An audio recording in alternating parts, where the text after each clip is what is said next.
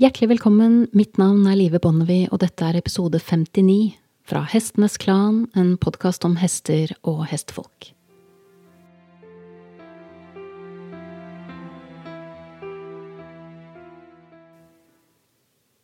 Jeg hadde ikke ridd i mer enn noen få år før jeg hadde lært det jeg trodde var det essensielle jeg trengte å vite, om hestens syn og hestens synsfelt. Men det viktigste var det ingen som fortalte meg, før jeg hadde ridd i rundt 20 år. Jeg lærte meg tidlig at hesten har et synsfelt på rundt 350 grader, og at det blant landgående pattedyr er svært få dyr som har større øyne enn hesten. Med årene ble jeg også fortalt at 65 grader av hestens syn er binokulært, så hjernen registrerer samme sanseinntrykk fra begge øynene samtidig, såkalt samsyn, som vi mennesker også har. Jeg lærte meg også at resten av hestens synsfelt, de resterende 285 gradene, er monokulært, det vil si at hesten kan bruke øynene sine uavhengig av hverandre. Det er dette som gjør at hesten gjerne hever hodet når den blir skremt og forsøker å finne ut om den trenger å flykte eller ikke, fordi den på denne måten øker sitt binokulære synsfelt.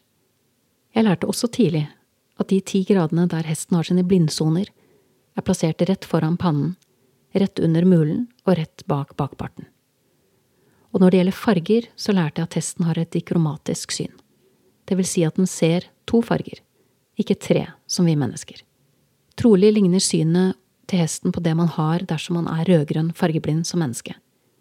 Så hesten ser definitivt ikke den samme regnbuen som vi gjør. Til gjengjeld er hesten oss svært overlegne når det gjelder å kunne se godt i mørket. Men det er greit å merke seg at den ikke tilpasser seg overgangene mellom lys og mørke like raskt som oss, noe det er viktig å ta høyde for dersom man tar hesten inn fra en solrik dag til en uopplyst gangtunnel, en mørk stall, et dunkelt ridehus eller inn i en mørk henger.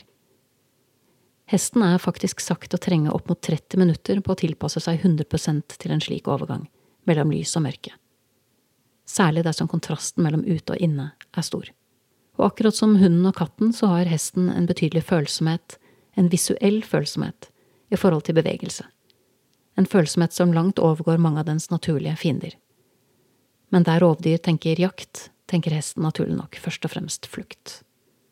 Alt dette lærte jeg, men det var noe som manglet når det gjaldt innsikt i den sansen som er en av hestens mest utviklede og komplekse.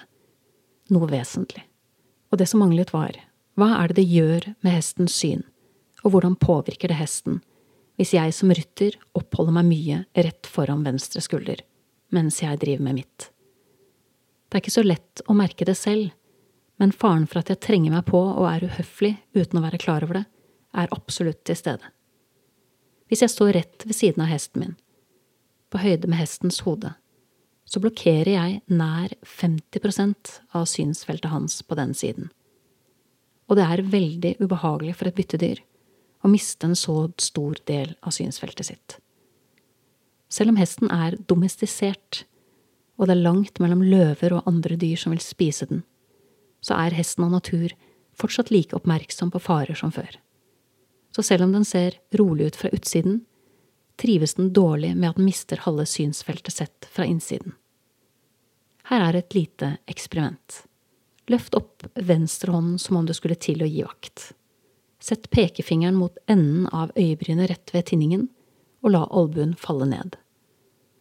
Tenk deg at din venstre hånd representerer deg selv i hestens synsfelt.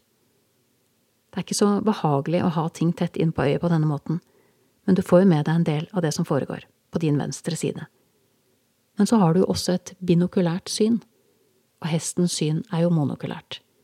Så det neste du må gjøre, det er å lukke ditt høyre øye. For hestens høyre øye ser jo ingenting av det som foregår på venstre side av hodet. Dette tror jeg er det nærmeste jeg kommer når jeg skal forsøke å forestille meg hvordan det er for hesten å føre en samtale med meg når jeg er oppe i fjeset hans i tide og utide. Legg også til at hestens personlige rom er en hestelengde, ikke en armlengde som hos meg. Så det sier seg selv at plassen foran venstre skulder, det er en plass der jeg prøver å unngå å tilbringe mer tid enn absolutt nødvendig. Høflighet avler høflighet. Og hvis vi tar mer hensyn til hestens behov og instinkter, så tar han også mer hensyn til våre. Det går begge veier. Du har nettopp hørt episode 59 fra Hestenes Klan, en podkast om hester og hestefolk. Takk til min faste komponist Fredrik Blom, og sist, men ikke minst, takk til deg, kjære lytter, for tålmodigheten. Måtte hesten for alltid være med deg.